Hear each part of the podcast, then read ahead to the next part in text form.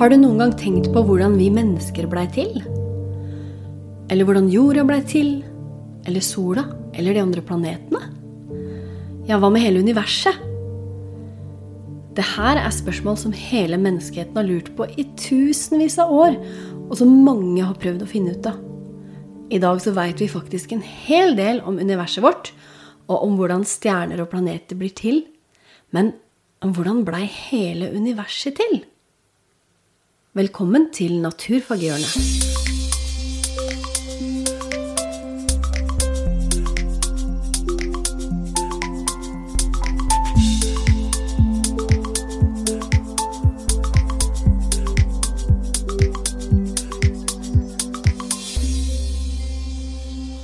For litt over 13 milliarder år siden så fantes det et lite punkt et sted som inneholdt uendelig mye energi. Og plutselig begynte dette punktet å utvide seg i en rasende fart, nesten som en eksplosjon. Og det er nettopp derfor denne hendelsen har fått navnet Det store smellet, eller kanskje bedre kjent som The Big Bang. Men før jeg går videre, så må et par ting på plass. The Big Bang er egentlig ikke en eksplosjon. En eksplosjon er jo over når støvet har lagt seg, og all den massen og eh, materien som liksom slynges ut, den kastes sånn helt tilfeldig utover. Og sånn var det ikke med The Big Bang. For det første så ble materien eh, som ble kasta utover, den ble fordelte seg veldig sånn jevnt i alle retninger. Jevnt og systematisk. Og for det andre så har ikke The Big Bang tatt slutt. Utvidelsen har bare fortsatt og fortsatt, og den fortsetter den dag i dag. Til og med med enda større fart enn i begynnelsen. Så egentlig så er vi fortsatt inni The Big Bang.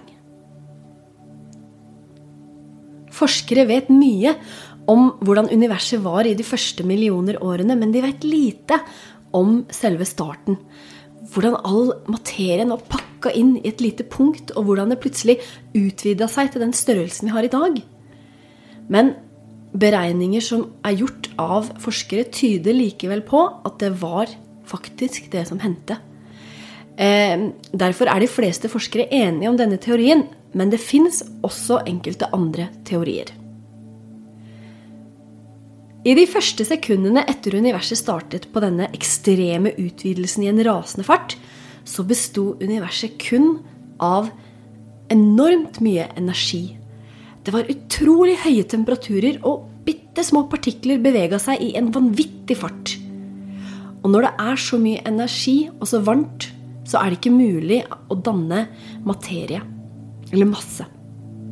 Men etter hvert som universet ble større, så ble det også lavere temperatur.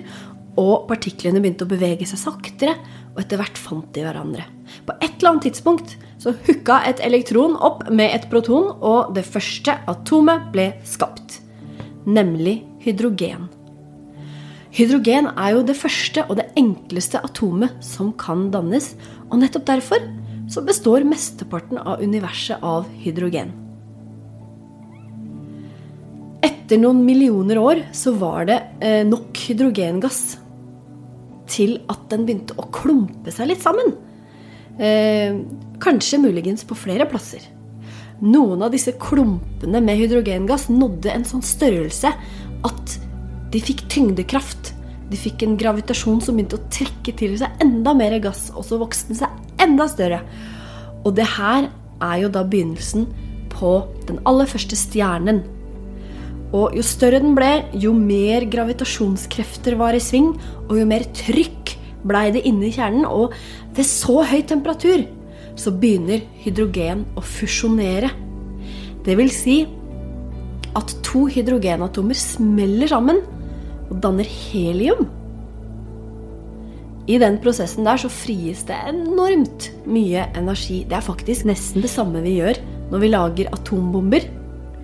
Og når stjernen starter å fusjonere, så tennes lyset, og den begynner å lyse opp på himmelen. Så universet vårt var faktisk helt mørkt til å begynne med. Mens nå så lyser milliarder av stjerner opp den vakre himmelen. I neste episode så skal du få høre mer om dannelsen av de forskjellige legemene på himmelen. Og til da så vær nysgjerrig og vær interessert i kloden vår og i universet.